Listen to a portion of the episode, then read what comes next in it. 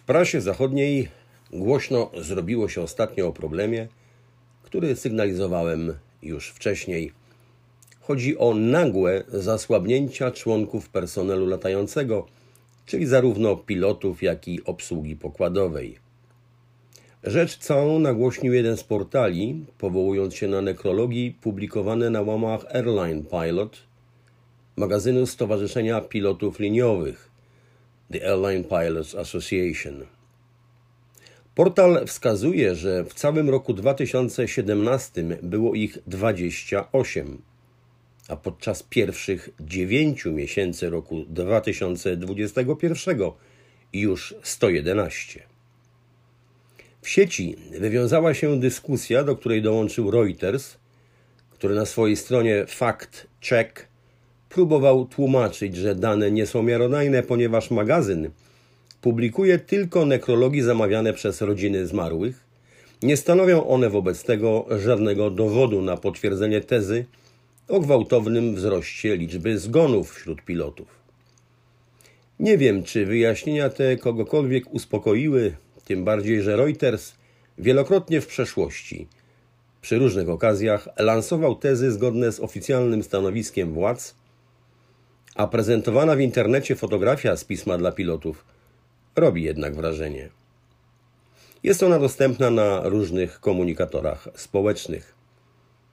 I jakkolwiek ilości zgonów w poszczególnych miesiącach minionych lat, którymi przerzucają się poszczególne portale, mogą się nieznacznie różnić, to większość jest zgodna co do tego, że w porównaniu do okresu sprzed przymusu szczepień wprowadzonego przez niektóre linie lotnicze, nastąpił skokowy ich przyrost. Te dane musiały zaniepokoić, skoro zostały dostrzeżone w magazynie branży, która zrzesza 61 tysięcy członków w blisko 40 liniach lotniczych Stanów Zjednoczonych i Kanady. Już wcześniej docierały zresztą niepokojące sygnały z najbardziej restrykcyjnie podchodzącego do kwestii szczepień kontynentu, jakim jest Australia. Tamtejszy The Sydney Morning Herald i The Age donosił o poważnych problemach, z którymi borykali się piloci linii Qantas, zarówno w roku 2020, jak i 2021. Zauważono u wielu z nich niepokojącą ilość powtarzających się błędów popełnianych podczas pracy, jak na przykład mylenie wysokości z prędkością, co rzecznicy firmy starali się tłumaczyć przestojami załóg we wcześniejszych miesiącach. Jednak utrzymanie kompetencji w lotnictwie wymaga zarówno regularnego, odświeżającego szkolenia symulatorowego, jak i praktycznego, a poza tym kłopoty nie dotyczyły zmieniających się procedur i przepisów, a samej techniki pilotażu. 27 grudnia 2021 roku podczas regionalnego rejsu Virgin Australia 1876 zasłabło kilka osób personelu pokładowego, w tym jeden z pilotów. Informując kontrolę ruchu o możliwości zagrożenia dla życia, rozpoczęto awaryjne zniżanie do bezpiecznego dla zdrowia poziomu lotu i lądowanie, po którym jeden z członków załogi został odwieziony do szpitala. Wiadomo, że wszyscy byli zaszczepieni. Badanie incydentu ma trwać do połowy roku.